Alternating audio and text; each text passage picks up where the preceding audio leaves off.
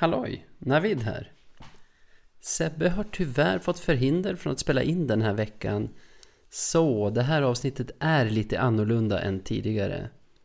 Jag har tagit in en kompis som vikarie, men han är med på länk från andra sidan jorden. Vilket ni kommer märka på ljudkvaliteten. Vi spelar dessutom in bara timmarna före publicering, så Emsing har inte fått chansen att trolla med ljudet heller. Så om det blir för outhärdligt att lyssna på, titta i så fall in igen nästa vecka, för då spelar vi in som vanligt igen. Men här kommer veckans avsnitt.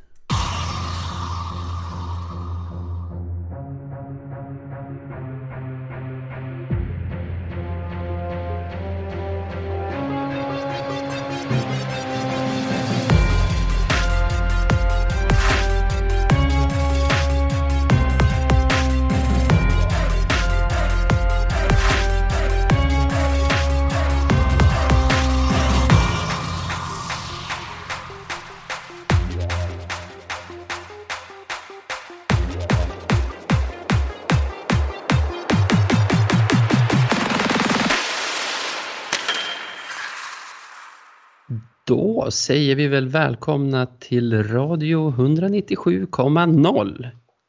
En podcast av lövare för lövare. Det stämmer och som de uppmärksamma lyssnarna hörde var det ju inte Sebastian det där utan det är faktiskt min kompis Marcus Gavelin som är hans vikarie idag. Hej Marcus! Hej Navid! Jag tänker så här, eftersom jag känner dig så bra så kan jag presentera dig för lyssnarna istället för att du gör det själv. Och då heter du som jag sa Marcus Gavelin, jobbar med pengar i vanliga fall men är tjänstledig just nu. Du är den, jag tror utav de jag känner som har sett flest Löven-matcher. Du är en brännbollsprofil i Bojaka BK. Jag vet inte hur länge du har varit björklövare men eftersom jag vet att du som sexåring kollade upp Matti Paunas telefonnummer och ringde och grattade honom till SM-guldet så gissar jag på nästan hela livet. Ja, det är nog.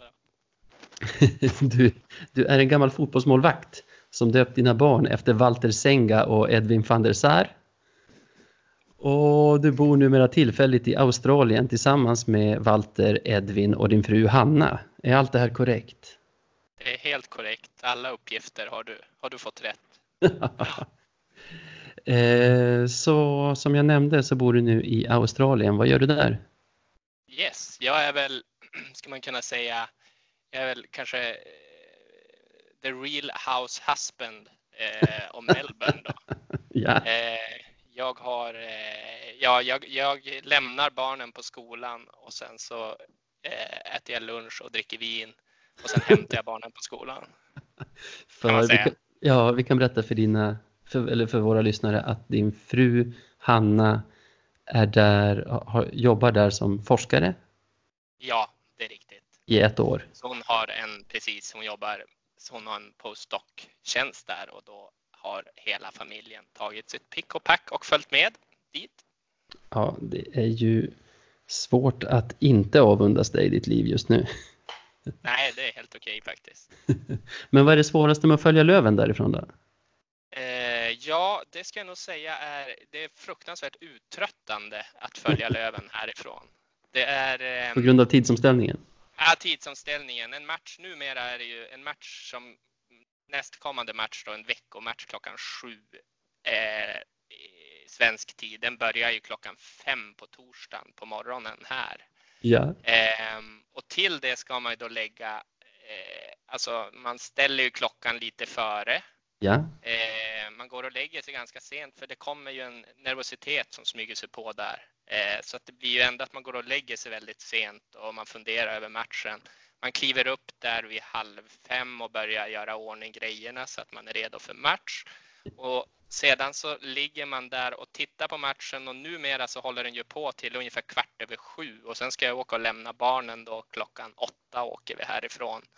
Ehm, så det blir ju en, det blir ju en klart eh, påverkad sömn av det hela. Så det är ganska uttröttande. Men helgmatcherna är ju nästan värre för då börjar de ju ofta tre eller och då, då blir det ju verkligen mitt i natten. Nu Modo till exempel är ett sånt riktigt typexempel när, när, eh, när man Man måste börja fyra på natten. Den började fyra på natten, ja precis. Och då kom jag inte i säng förrän säkert ett av ren nervositet. Jag hade ställt klockan på tre för att vara säker på att inte försova mig. Eh, och sen så ser man den och sen går det inte att somna om efter en sån torsk så att jag skrapade ihop en, en par timmars sömn den natten och kommer ändå upp eh, arg som ett bi på väldigt dåligt humör. Tur att det var fars dag då, så de kanske var lite snällare mot dig. Det var de, det var de. Men de har lärt sig. De, de vet att det har varit match. Det syns väldigt tydligt här. Ja, men dina söner är ju också Lövens supportrar. Hinner de se slutet av matcherna på morgnarna innan de drar till skolan och så, eller? Ja, det gör de. De är med där eh, och ser sista, sista perioden egentligen. Brukar de kom, komma in och kika.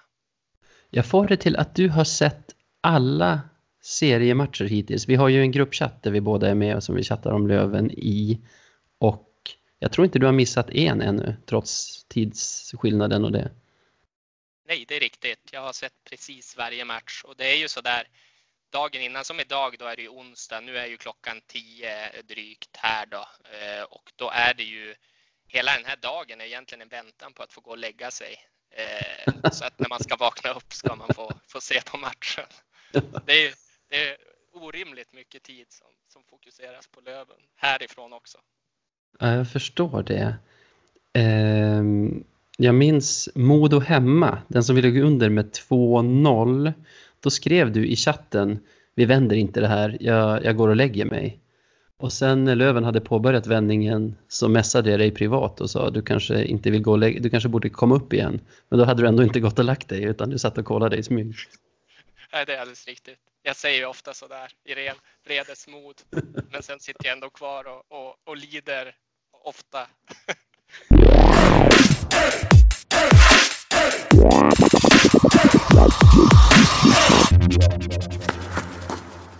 Du Gave, eh, vi har ju suttit vid samma pokerbord ett antal gånger. Kul ju. Mm, mycket. Det kanske är några tior eller som mest en hundring som står på spel och handlar kanske mest om att sitta och sippa på en whisky och ljuga lite, eller hur? Yes, exakt så. Tänk dig då, alltså tänk om någon jävel vid bordet skulle langa upp nycklarna till Lexusen och lägga den i potten. Känslan, liksom wow, wow, wow. Då tror jag kanske att alla genast skulle räta lite på ryggarna och att ett helt annat allvar skulle infinna sig. Mm, Det På tror nå- jag med.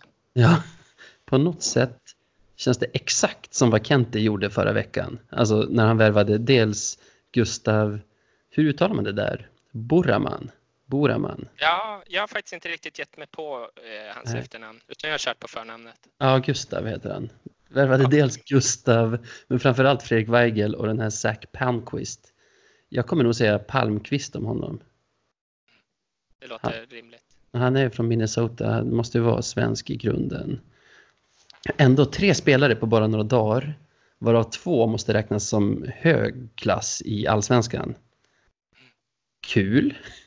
Men precis som att killen vid pokerbordet, han, han som la upp bilnycklarna, litar på sina kort och förväntar sig att vinna den given. Kan man inte tolka det här på något annat sätt, som Kente gör, än att Löven går för toppvinsten, alltså SHL-avancemang i och med den här satsningen, e- eller hur? Ja, absolut. Jag tycker det var ett tydligt statement, särskilt med tanke på att när man gör den här satsningen när vi redan ligger i toppen, till och med leder serien när den här kommer, så är det den markanta skillnaden mot för när, när sånt här har hänt Ja, tidigare säsonger i närtid. eller hur? För det är kittlande, det är roligt, det måste man ju säga. Men det är ju också läskigt, för med högre insatser då kommer det ju såklart en mycket, mycket högre fallhöjd, eller man ska säga. Det finns mer att förlora. Så, Precis. jag vet inte, typ så här, inför den här säsongen, om någon, om någon synsk människa hade sagt till mig för typ en vecka sedan, ja, eller ja, nej, men för en vecka sedan, att Löven kommer komma trea i serien efter Timrå och Modo. De kommer vinna slutspelserien men förlora förkvalet mot förloraren i finalen. Då, då hade man ju känt jäkla bra säsong ändå. Det är helt otroligt bra säsong. Eh, Men nu, med liksom de nya förutsättningarna som finns, då känner jag att liksom inget kort om att ta oss till ett direktkval, ett stort misslyckande istället. Mm. Jag kan inte resonera på något annat sätt efter förra veckan. Nej jag, håller helt och hållet med dig. Jag tycker det känns, och det känns i hela kroppen när de ska spela match nu. Det är en helt annan förväntan på allting. Nu är vi ett topplag och vi ska vara ett topplag efter det här, de Ja. satsningar som har gjorts. Så, så hela allting säger bara precis det. Att Ja, det, är, det är topp två som gäller nu. ja. Och det här agerandet att satsa på klassvärvningar trots att det går bra, som du sa, alltså inte ett sätt att försöka parera en fiaskosäsong. Det känns ju riktigt ovant för oss lövare. Och det känns som något vi aldrig varit med om förut, men jag kan i alla fall komma på två tidigare säsonger som jag tycker påminner lite. Kan du, kan du gissa vilka? Eh, ja, definitivt, definitivt har vi ju 02-03 Yes. eh, som är en sån riktigt klassisk säsong. Ja. Eh, Sen har jag även skrivit 12-13, alltså den säsongen vi gick upp i Hockeyallsvenskan. Och det skiljer ju ganska mycket mellan de säsongerna. Bland annat att 2002, då spelade vi Allsvenskan medan 2012 spelade vi ettan. Men jag går igenom dem lite snabbt så att du fattar vart jag är på väg med det här. yes. Ehm, 02-03 då hade vi ett helt okej lag i början av säsongen. Vi hade inte missat kvalserien, alltså kvalserien till elitserien på så lång tid att typ ingen runt föreningen kunde minnas det. Och en stark trupp från start ledd av Randy Edmonds. Vi hade Beljavski, Potvin, Stefano Figliuzzi som vi värvade när, när Greg Parks eh, tackade nej. Och de slog sig fram i den norra hockeyallsvenskan. Jesper Jäger hade ju också en grym säsong då, sprutade in poäng. Och ja, man spelade ju norra allsvenskan fram till jul som jag sa. Eh, det kändes inte som att det var någon fara på taket, men ändå kompletterades laget under säsongen med först Sardi Salapski som spelat NHL med Philadelphia bara några år tidigare. Sen kort efter kom en annan NHL-meriterad kille, Chris Marinucci, och anslöt. Och då kändes det ju tydligt att Löven inte var nöjda med att vara ett topplag i andra ligan utan man ville uppåt. Och det sket sig. Sasha, Sasha drog på sig en knäskada som han aldrig kom tillbaka ifrån någonsin. Spelet hackade. Spelarna verkade inte jättenöjda med Randy Edmonds ledarstil. Salapski visade sig vara en trasig spillra av sitt forna NHL-jag. Eh, ah, visst öppnade han med 2 plus 2 i sin första match och sen gick det ut för. Eh, ja, det stämmer ju. Han hade ju en, en riktigt bra start och gav stora förhoppningar. Sen visade det sig att han, han var bra på en del annat eh, än att spela hockey. Eh, jag tror han ganska ofta hittades på barer Ja, runt om i Umeå vad jag förstod på den Ja. tiden. ja, dessutom Eh. helt trasig kropp vill jag minnas. Ja, ja visst. Ja, visst. Eh, Däremot så, så Stefano Figliuzzi. Där, Ja, nummer eh, 91. han, nummer 90, ja det var det nog ja. Han var ju däremot en, ja, precis han kom in istället för Parks där som, som sa nej. Ja. Jag vet inte, han hamnade ju i Japan eller någonting. Ja. Men ehm, eh, jag kommer särskilt ihåg en kasse som, som eh, Figliuzzi gjorde mot Skellefteå borta. Eh, Han drog någon backhand. Vi, vi, vi, vi var där, du och Ja, jag, om jag ja, minns ja, jag minns det. han Ja. drog någon backhand rakt upp i taket. Jag har sökt, alltså jag har skannat internet på, för att hitta den där, den där, det där målet. Men det är ju så att det är betydligt svårare att få fram sådana typer av klipp nu för, Helt eh, omöjligt. från den tiden. Ja. Vissa grejer som gick på typ så här TV4 Sporten och liksom Sportnytt kan man hitta, men så här vanlig serielunk, det är fan helt omöjligt.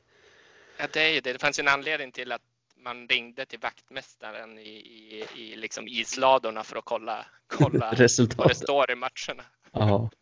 ja.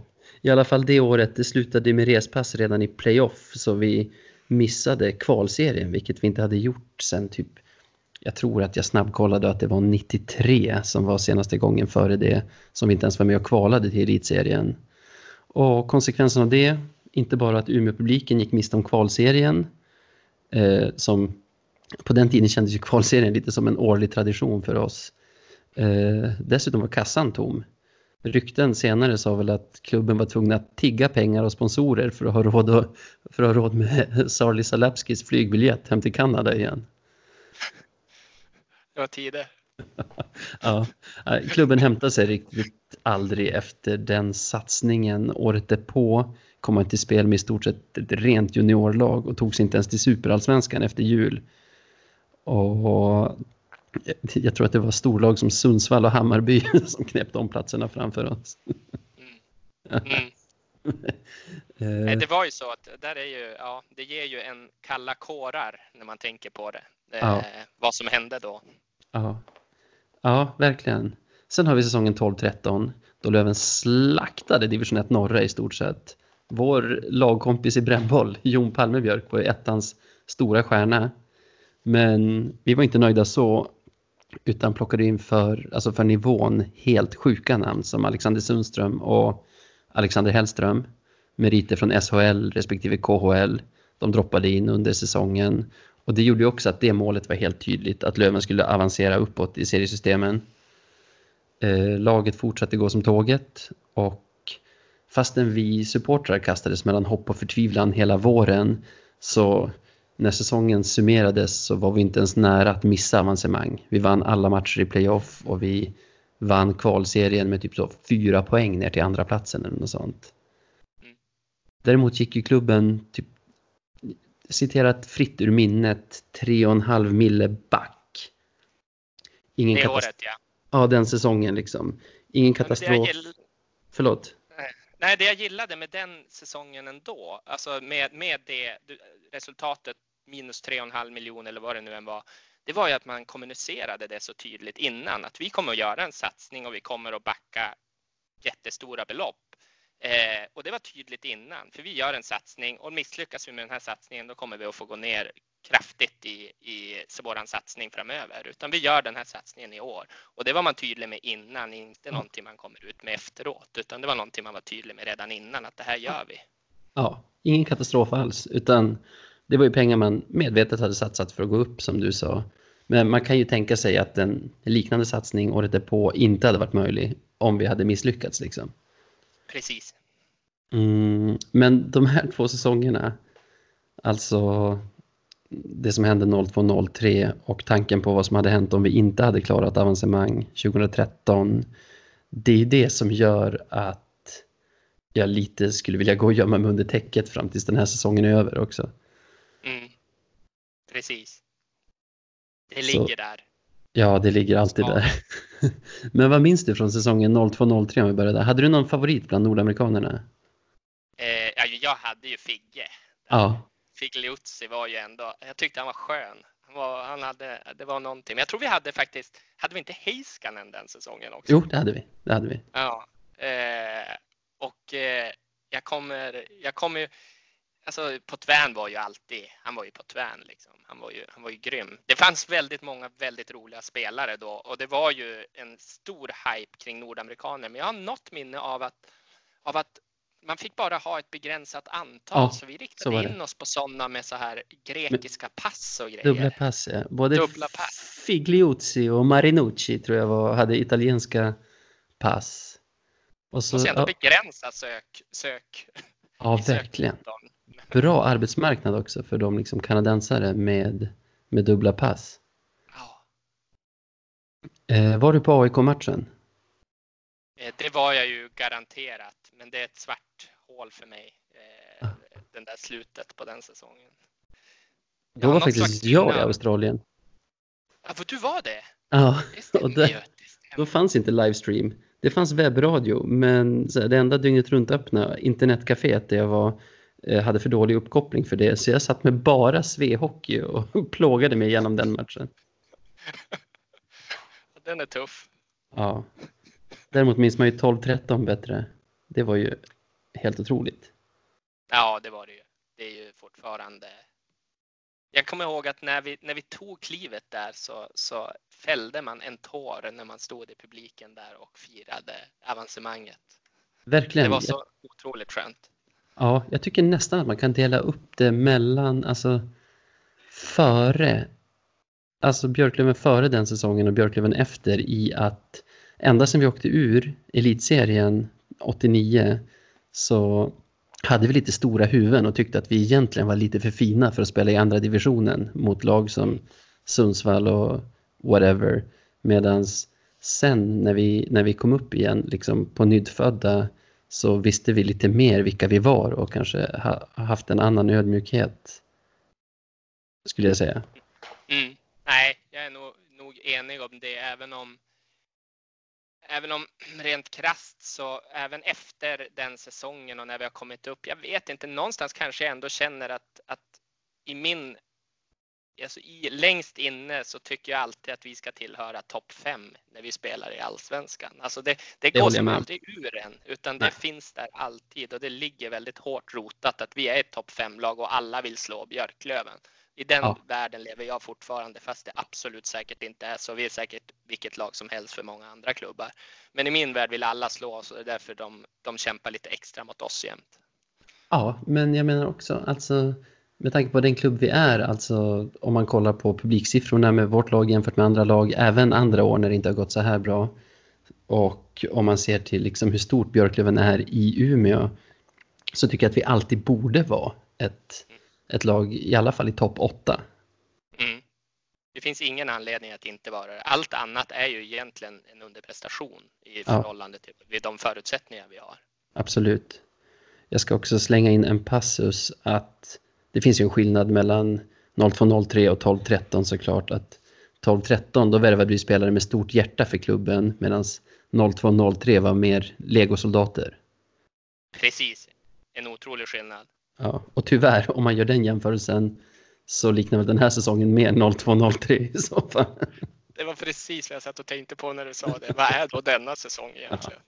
Ja, ja den är inte körd ännu i alla fall. Nej, det är den inte.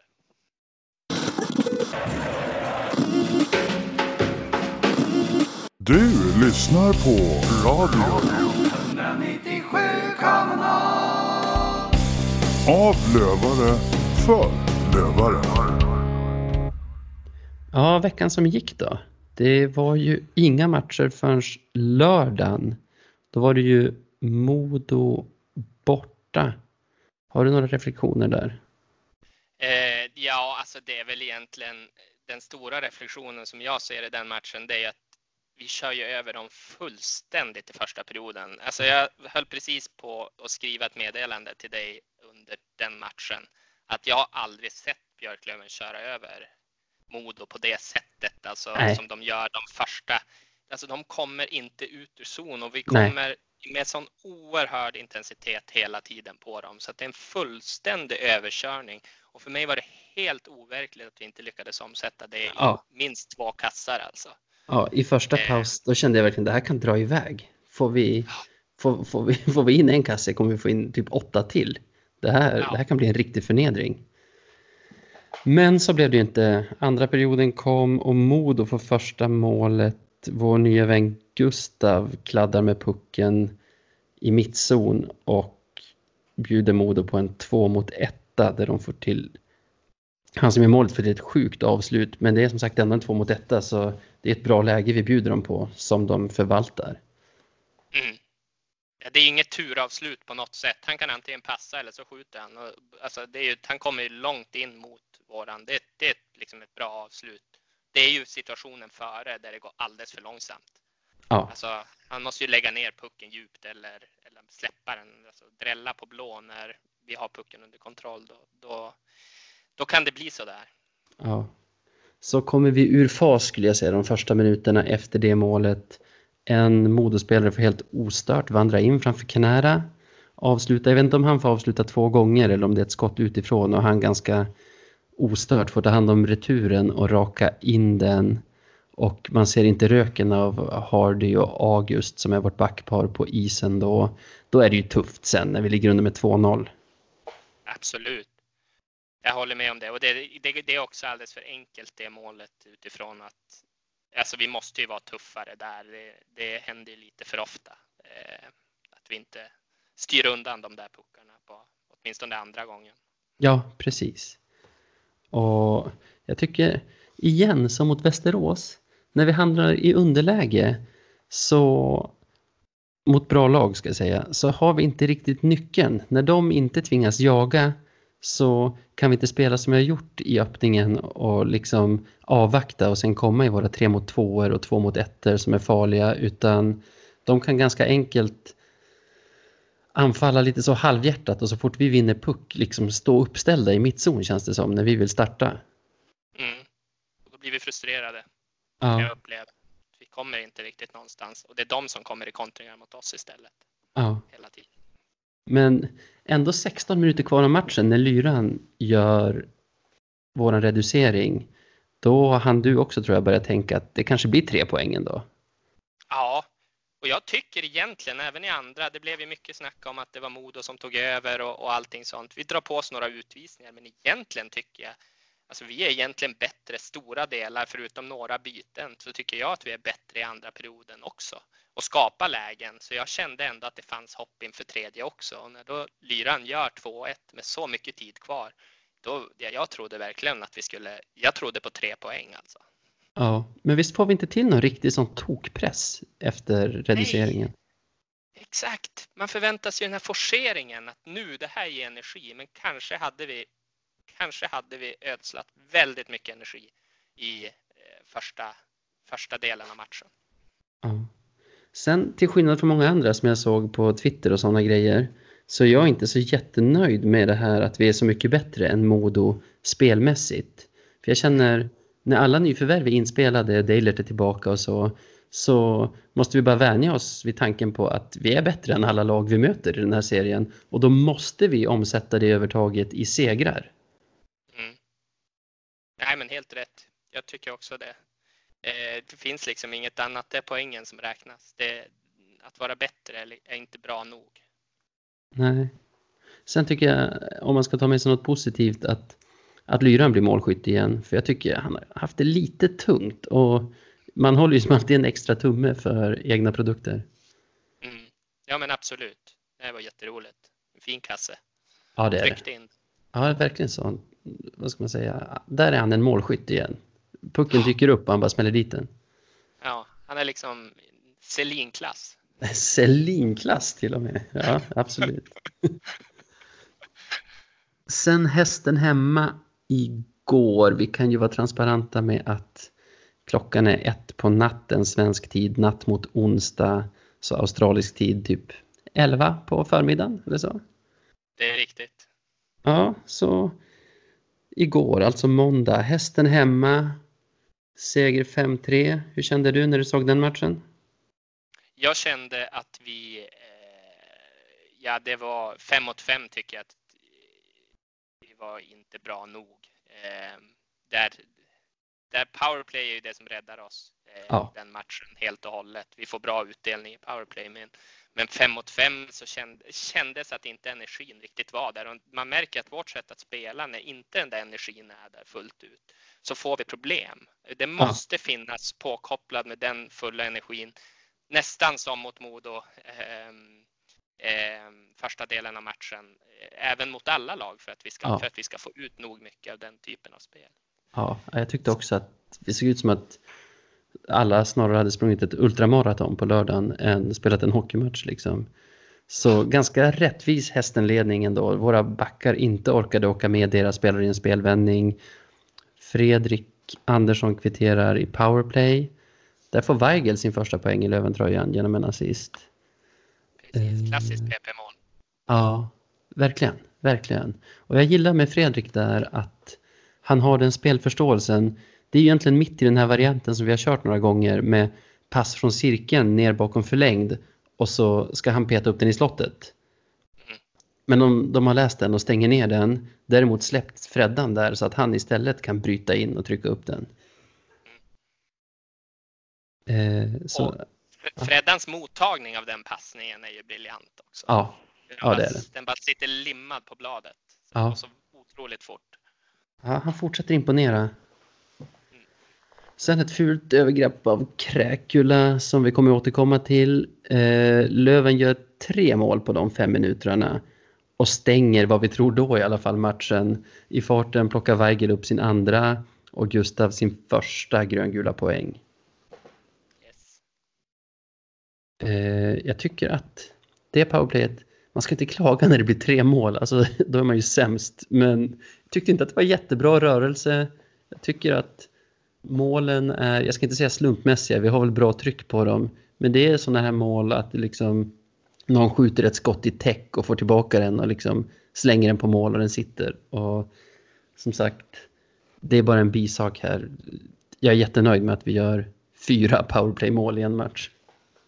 Nej, men jag håller helt och hållet med och, och samtidigt så måste jag säga, alltså apropå Selin då som, vi, som jag nämnde tidigare. Aha, ja. Det han gör är ju det är ett kliniskt avslut. Han Ja, ja. återigen Ja, ja. sätter upp rakt upp i exet. Alltså. Ja, ja, ja. Eh, Men han är ju han är Alexander Ovechkin i år.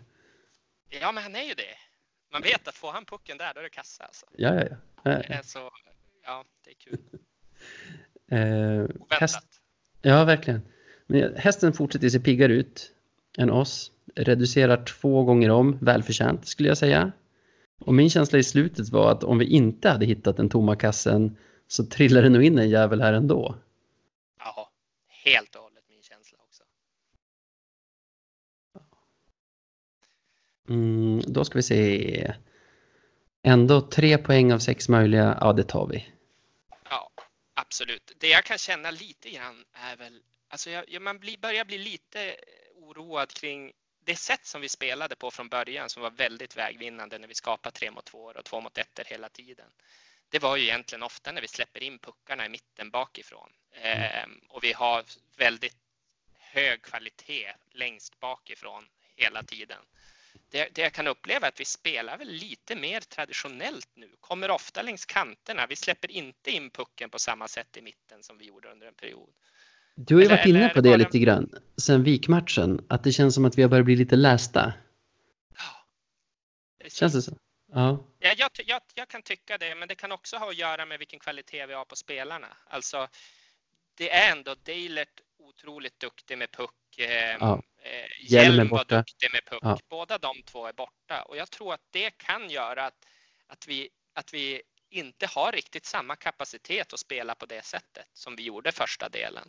Ehm, men jag vet inte, men det känns som att någonstans där får vi inte samma fart framåt för de där första passningarna och när vi vågade släppa in dem och vi satte dem varje gång. Nu tycker jag ofta vi blir fastpressade. Vi har försökt ett par gånger, men spelarna vet, motståndarna vet vem de ska gå på för att sätta oss i press så att vi inte ska lyckas med de där uppspelen.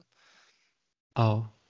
Då får vi säga bra att vi ändå får tillbaka Deilert även om det är fyra matcher kvar tills dess och att Palmqvist kommer in.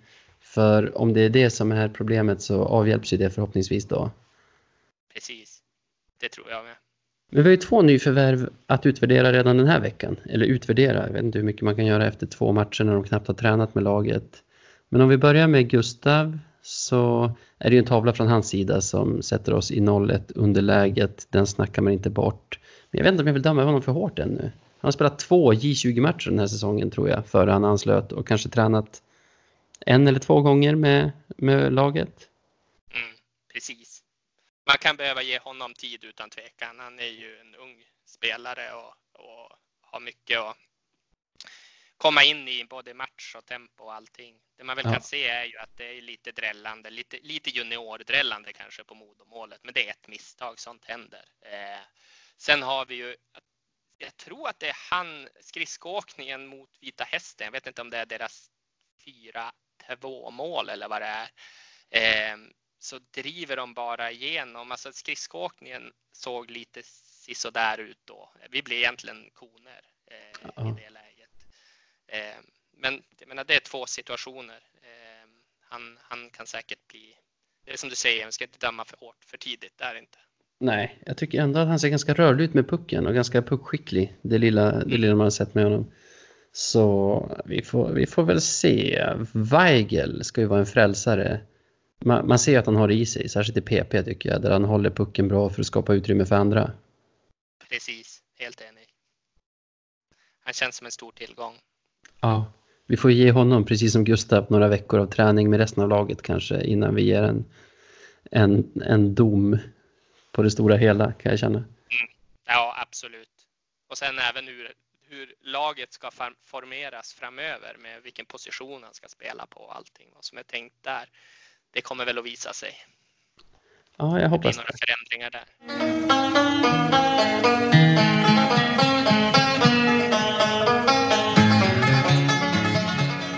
Veckans Marklund. Ja, veckans Marklund var det dags för. Och det betyder då, om jag har förstått det rätt, Nave, att eh, vi ska alltså kora veckans mest klandervärda person. Är det rätt uppfattat? Ja, men det stämmer. Och jag vill faktiskt eh, nominera en fotbollsklubb, IK Frej, som kvalade mot Umeå FC mot Superettan här i helgen. Det är nämligen så, vi måste hoppa tillbaka till typ 2004 när det var kvalserien i hockey och AIK här i Stockholm hade en tv-reklam för att sälja biljetter. Och då stod det så här AIK välkomnar Skellefteå till Stockholm. Ni kan parkera era snöskotrar utanför hovet. Oh. Ja, det var riktigt mossigt redan för 15 år sedan med skoterraggare. Eh, och nu i år faktiskt, här i förra veckan, skrev IK Frej på sin Twitter. Välkommen till Stockholm alla Umeå FC-fans. Parkering för skotern finns intill Vikingavallen. Åh, nej, nej, nej, nej, nej, nej, nej.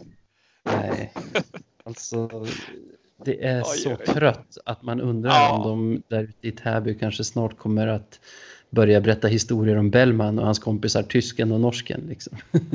Ja. Nej, det där var väldigt trött alltså. Oerhört Det är klandervärt.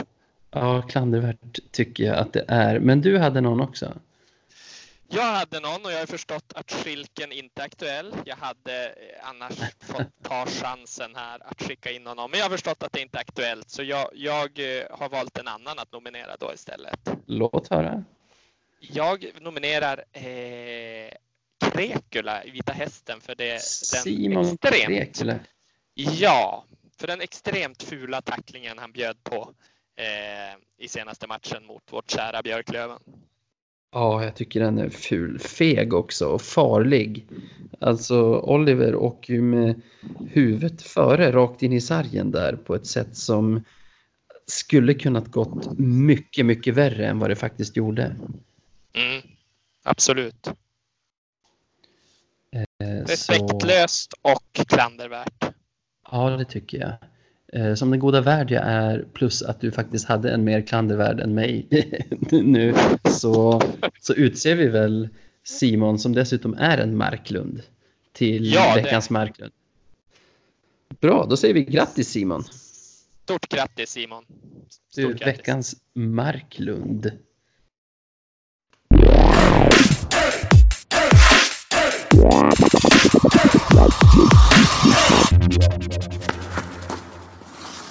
Ja, veckan som kommer då.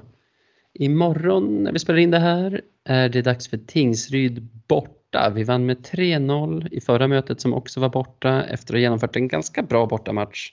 Det dröjde till sista perioden dock innan vi gjorde några mål. Hur ser du på morgondagens match?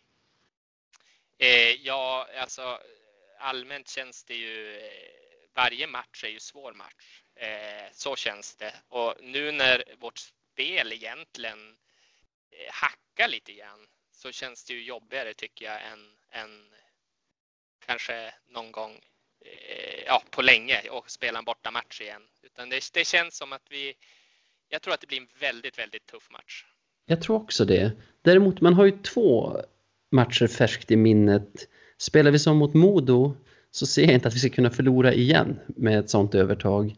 Men spelar vi som mot Hästen så, så kan vi mycket väl förlora. Eller så förlorar vi troligen borta mot Tingsryd. Precis, det är ju de och nu är- kanske är det den senaste matchen då som ligger närmast till hands att ta, att, att, som man har känslan av och den, den säger mig att vi får det riktigt, riktigt jobbigt. Samtidigt så är vi så pass vassa att vi alltid ska ha en chans. Ja, Jag tycker inte att vi ska ha liksom 3-0 i baken efter 10 minuter som det kunde vara för senast en säsong sedan. Utan jag tycker att vi är så pass stabila och så pass alltså, spetsiga egentligen också att vi inte ska ha tappat en match på det sättet utan vi bör vara med i den här matchen hela vägen. Och då hoppas jag att vi har det vassare laget eh, för att kunna vinna en sån här match och att vi får med oss lite utvisningar för det är ju egentligen där vi, vi skiljer oss väldigt mycket just nu. ja. Jag tänker att Tingsryd borta är en sån match där alla lag vet att de måste vara påkopplade liksom för att, för att ha en chans att vinna. Precis. verkligen hoppas att våra spelare känner så också. Mm. Eh, sen ger ju Tingsryd borta alltid kalla kårar efter vårt möte med dem i kvalserien 2013 när Micke Tchaikovsky spikade igen deras kasse. Mm. Förlorade med 1-0 va? Ja, Eller vad blev det? ja 1-0. Ja. Om vi ska tippa den här matchen då, vad tror du? Eh, alltså jag är ju... Jag tippar ju som regel inte seger någon match därför att jag fortfarande inbillar mig att, att fallet blir lite lägre. Eh, om, om det inte blir det. Men, En väldigt björklövig inställning skulle jag säga. Ja, det är ju det. Och, och fallet är, blir ju aldrig lägre för det. Så det, det är ju det är ju verkligen eh, hjärnspöken det där. Men, men kanske. Jag skulle kunna tänka mig att det är dags för ett kryss alltså. Mm. Och sen, eh, och sen två, så jag säger 2-2. Mm. Så säger jag att vi vinner på straffar. All right. Då tippar jag... Du hörde förra, förra veckans avsnitt som började med att jag och Sebbe bestämde att båda får aldrig mer tippa seger. För vi hade gjort det mot Västerås. Sen slutade det avsnittet med att båda tippade seger mot hästen. Och det höll ju på att straffa sig. Så jag kör väl också 2-2 då, men torsk i sadden. Så Ah, 3-2 har vi till Tingsryd. Ja, nu, Ja. nu har vi alla baser täckta. Sen lördag, dags för AIK hemma. Eh, Kul match brukar det vara hemmamatcherna mot AIK. ja, visst känns det så. Och visst känns det Ja. som att vi har plusstatistik hemma mot dem också. Hemma brukar det brukar vara så, så otroligt stor skillnad. Bortamatcherna mot AIK och hemma. Där har vi minusstatistik på Hovet. Men jag tror att hemma i ladan så... Ja, det kanske bara är en magkänsla. Men det, det känns viktigt nu att det rullar in poäng när matcherna duggar så tätt och vi liksom inte möter några av lagen i den absoluta toppstriden. Precis. Nej, men så är det ju och det är ju lite grann det jag menar med där. Alltså, varje match är ju så viktig. Det är de där tre poängen och när man är där uppe i toppen, även om tidigare slogs man bara för att hålla sig nära strecket topp 8. Och. Då kan man ju förlora en match utan att det är någon katastrof. Nu handlar det om tre poäng hela tiden för så pass mycket vinner topplagen. Ska man vara där uppe så måste man, man måste ta de här eh, Ja. Ja, alltså vi, vi låg på en ganska säker första plats. Alltså att andra platsen inte ens var speciellt nära. Och förlorade mot Västerås och Modo och låg trea. Mm, precis. Det brukar ju på något sätt slitas ut hela alltså stretchas. Och där i det bandet så måste vi ju vara där uppe nu. Det är nu Ja. någonstans i den här delen av säsongen som det här bandet kommer att börja eh, stretchas lite och där man, där man vill vara det lag eh, av två som är topp två då. Eh, för jag tror att det är här någonstans det kommer att börja gå iväg och, Ja. och, och visa sig.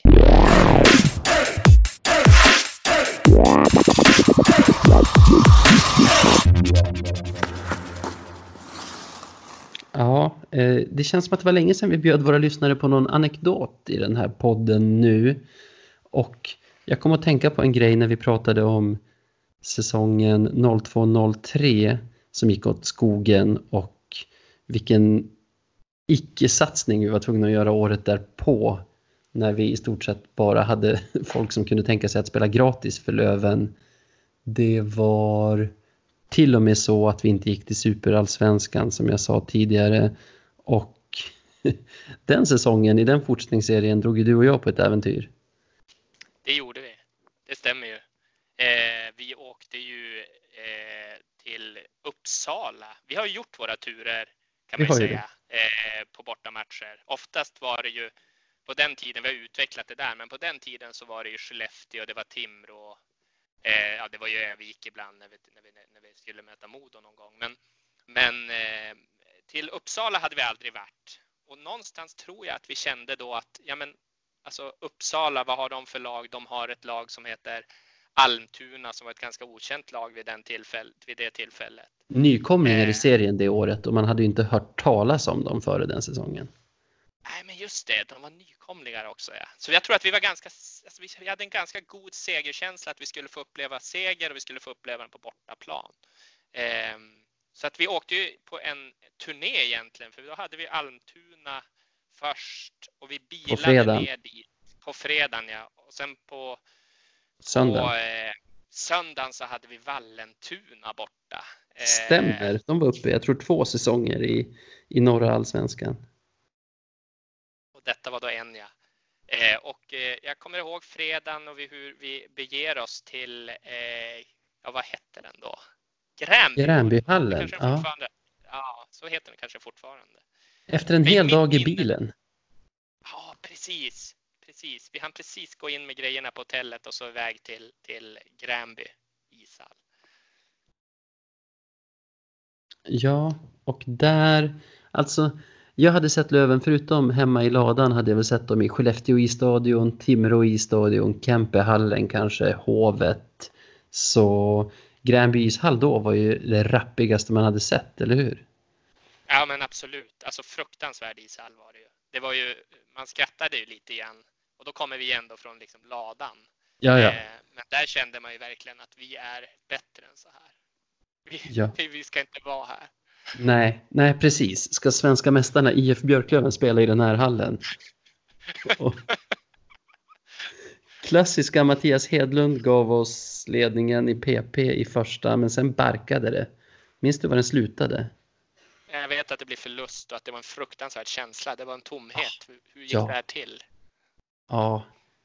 Eh, jag kollade Svehockey idag. 5-2 slutade den matchen till Almtuna. Man fattade ju ingenting. Nej. Nej, tomhet som sagt var. Fruktansvärt. Ha suttit de där 60 milen för att få seger. Men Men vi hade ju en chans kvar. Ja, för sen följde ju en ganska, eh, ska vi säga, dekadent helg i Uppsala. Och det blev söndag. Vi hann med ett bad på det här äventyrsbadet, Fyrisbadet. Skitsamma. Det blev söndag och vi tog bilen ner till Vallentuna i, vad ska man säga att det ligger mellan Uppsala och Stockholm. Jag, vet att, jag kommer ihåg att vi kämpade för att hitta dit. Ja, precis.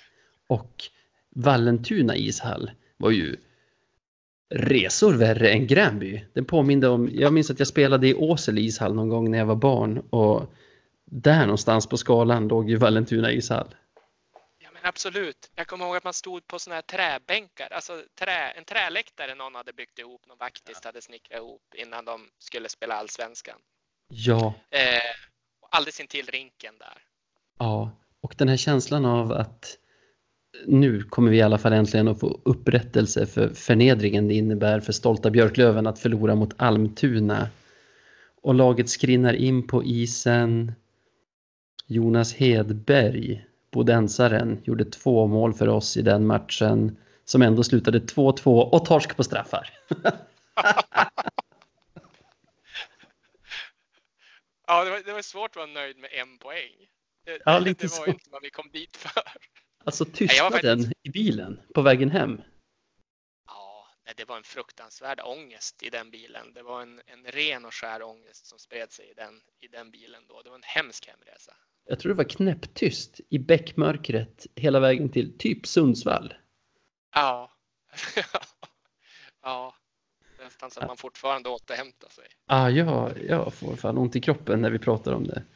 Ja. Det är kul, vi lyckas ju fan bara pricka in förluster när vi är liksom on the road. Jag satt och räknade i Ja. huvudet nu medan vi pratar om det här. Det är bara torsk i stort sett. ja, men faktiskt, jag tror, jag tror, alltså i modern tid tror jag inte vi har sett en seger. Nej, jag minns en förlust i Timrå för länge sedan. Jag minns ju för sig en seger i Skellefteå för riktigt länge sedan.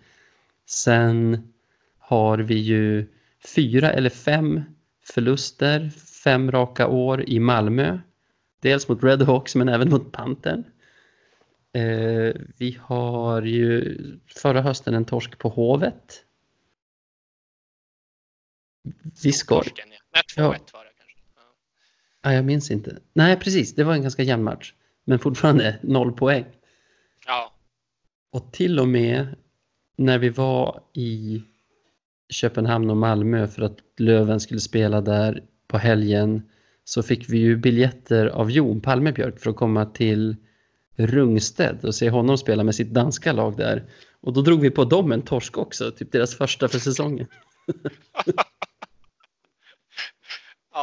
är någonting med våra bortaresor. Vi ska hålla oss undan. Vi får göra det.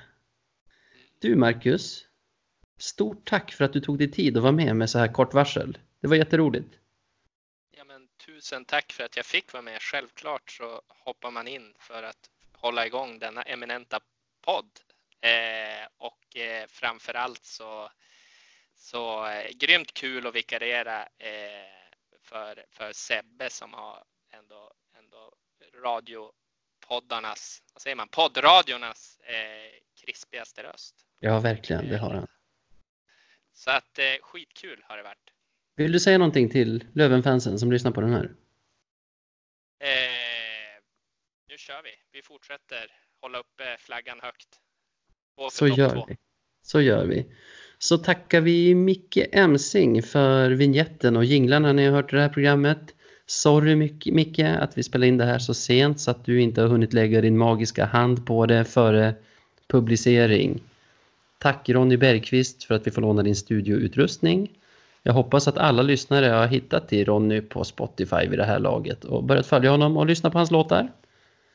Ha det bra Gave, vi hörs! Vi hörs. Ha det bra.